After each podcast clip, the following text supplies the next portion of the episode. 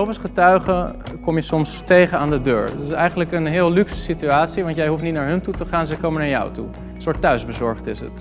En veel mensen die zijn dan, ehm, ja, zijn dan verontwaardigd of, uh, of, of, weten niet goed hoe ze daarop moeten reageren. Maar je zou eigenlijk in je handen moeten wrijven en denken, yes, ik mag gewoon uh, getuigen tot iemand die, uh, die daar speciaal voor naar mij is gekomen. Wat belangrijk is, is dat je wel een consistente benadering hebt daarin. Want Jehovah's getuigen zijn uren per week aan het bijbelstudie doen om zich voor te bereiden op dat gesprek met jou. En veel christenen zijn niet voorbereid op het gesprek met hun. Maar wat Jehovah's getuigen verkeerd zien is, zij geloven niet in de Bijbelse leer van de drie-eenheid. Ze zeggen wel dat ze in de Bijbel geloven, maar ze hebben hun eigen vertaling. Zij geloven in unitarisme, dus ze geloven dat God één persoon is. Dus één God, maar het is ook één persoon, de Vader. Ze geloven dat Jezus niet God is. Hij is de aartsengel Michael en hij is Gods eerste schepsel. Dus Jezus is niet de eeuwige, maar hij heeft een begin als schepsel. Ze geloven ook dat de naam van God, dus de vier letters, hè, JHWH of Yahweh, uh, dat dat uitgesproken moet worden als Jehovah. En ja, ze geloven dus niet dat Jezus God is, maar ze geloven al helemaal niet dat Jezus Jehovah is.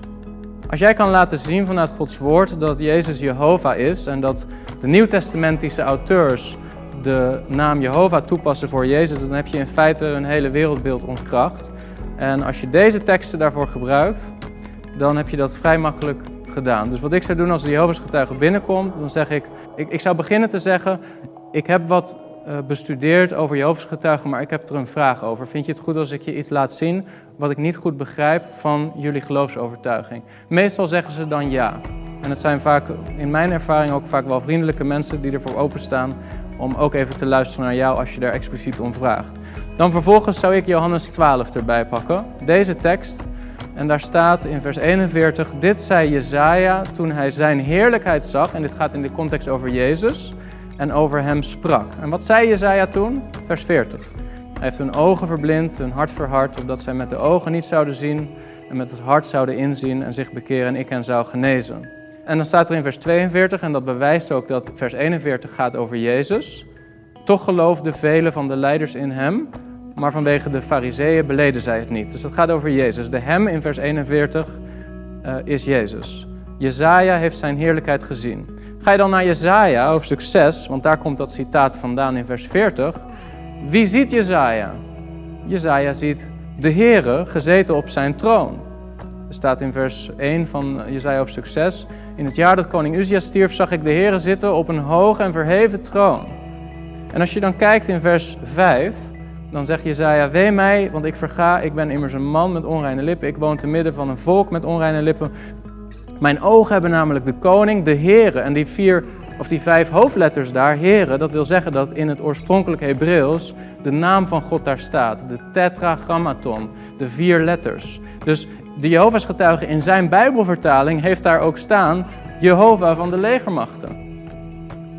Dus wie heeft Jezaja gezien? Jehovah. En dan staat er in vers 10 dat vers wat geciteerd wordt in Johannes 12. Dus Johannes, de evangelist, zegt, Jezaja zag Jezus. Jezaja in Jezaja hoofdstuk 6 zegt, Jezaja zag Jehovah. Dat zou ik laten zien. Dan zou ik zeggen, hoe verklaar jij dat het Nieuwe Testament leert, kennelijk, dat Jezus Jehovah is? Waarom geloof je dat niet? Ik heb daar nooit een antwoord op gekregen. Meestal gaan ze dan weg. Uh, maar wat ik doe voordat ze weggaan is zeggen, vind je het goed als ik je nog één probleem laat zien? Meestal vinden ze dat dan wel goed. Dan laat ik ze deze parallel zien. Dan laat ik ze eerst Psalm 102 lezen. En Psalm 102 gaat heel duidelijk over Jehovah, ook in hun Bijbel. Dus overal waar je dat lichtblauw heren ziet, dan gaat het over Jehovah. En dan in vers 26 staat er, U hebt voorheen de aarde gegrondvest. De hemel is het werk van uw handen. Die zullen vergaan, maar u zult stand houden. Zij alle zullen verslijten als een kleed. U zult ze verwisselen als een gewaad en ze zullen verdwijnen. Maar u blijft dezelfde, aan uw jaren zal geen einde komen. Dat laat ik ze zien en dan zeg ik, over wie gaat dit? En dan zegt Jehovah's getuige altijd, dit gaat over Jehovah. Ik zeg, weet je het zeker? Weet je zeker dat dit gele, dat dit gaat over Jehovah? Ja, dit gaat over Jehovah. Dan ga ik naar Hebreeën hoofdstuk 1. In Hebreeën hoofdstuk 1 gaat het over Jezus Christus, de Zoon van God. En daar schrijft de schrijver van de Hebreeënbrief dat de Zoon hoger is dan de engelen. En dan citeert hij verschillende psalmen en betrekt hij op de Zoon. En dan in vers 10, 11 en 12 citeert hij dit psalm wat we net gelezen hebben. en past het toe op Jezus. Hij zegt, en in het begin hebt u, heren, de aardige grondvest en de hemelen zijn de werken van uw handen. Die zullen vergaan, maar u blijft altijd. Ze zullen alle verslijten als een gewaad en als een mantel zult u ze oprollen en ze zullen verwisseld worden, maar u bent dezelfde en uw jaren zullen niet ophouden. Het is onomstotelijk waar dat de schrijver van de Hebreeënbrief Psalm 102 citeert en zegt: Dit gaat over de zoon. Dus je hebt hiermee eigenlijk bewezen dat de nieuwtestamentische auteurs geloofden dat Jezus Jehovah is. Jehovah's getuigen geloven dat niet. Dus je hebt daarmee eigenlijk hun wereldbeeld inconsistent bewezen. En wat ik vervolgens zou doen is zeggen: Ik weet dat je dit waarschijnlijk nog nooit hebt gehoord of gezien. En ik wil je uitdagen om hier thuis over na te denken. Ik ga niet vervolgens een heel gesprek voeren nog over andere dingen, want dan krijg je natuurlijk, dan krijg je uiteindelijk eh, toch een situatie waarbij je een urenlang gesprek aan het voeren bent. Dat zou ik niet doen. Ik zou zeggen, dit is voor mij zo'n groot probleem dat je mij nooit zou kunnen overtuigen dat Jehovah's getuigen de waarheid hebben als ze dit niet kunnen uitleggen. En daarmee zou ik iemand met huiswerk naar huis sturen.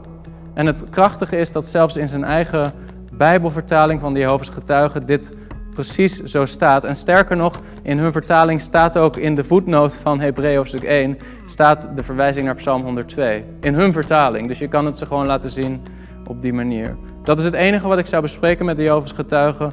En vervolgens is mijn ervaring dat ze vaak zeggen: Ik kom terug en niet meer terugkomen. En zo gaat het vaak, want Jehovah's getuigen kunnen jouw huis op een gegeven moment in hun databestand zeg maar, zwart markeren, min of meer. En dan betekent dat dit is een actieve opponent, die moeten we niet meer bezoeken. Heb je iets gehad aan deze video? Druk dan op like, dan uh, zal YouTube ervoor zorgen dat meer mensen deze video zien. En als je vaker dit soort video's wilt kijken, abonneer je dan op dit kanaal. En dan zul je ongeveer wekelijks een nieuwe video aantreffen, waardoor je kan groeien in je kennis over geloofsverdediging.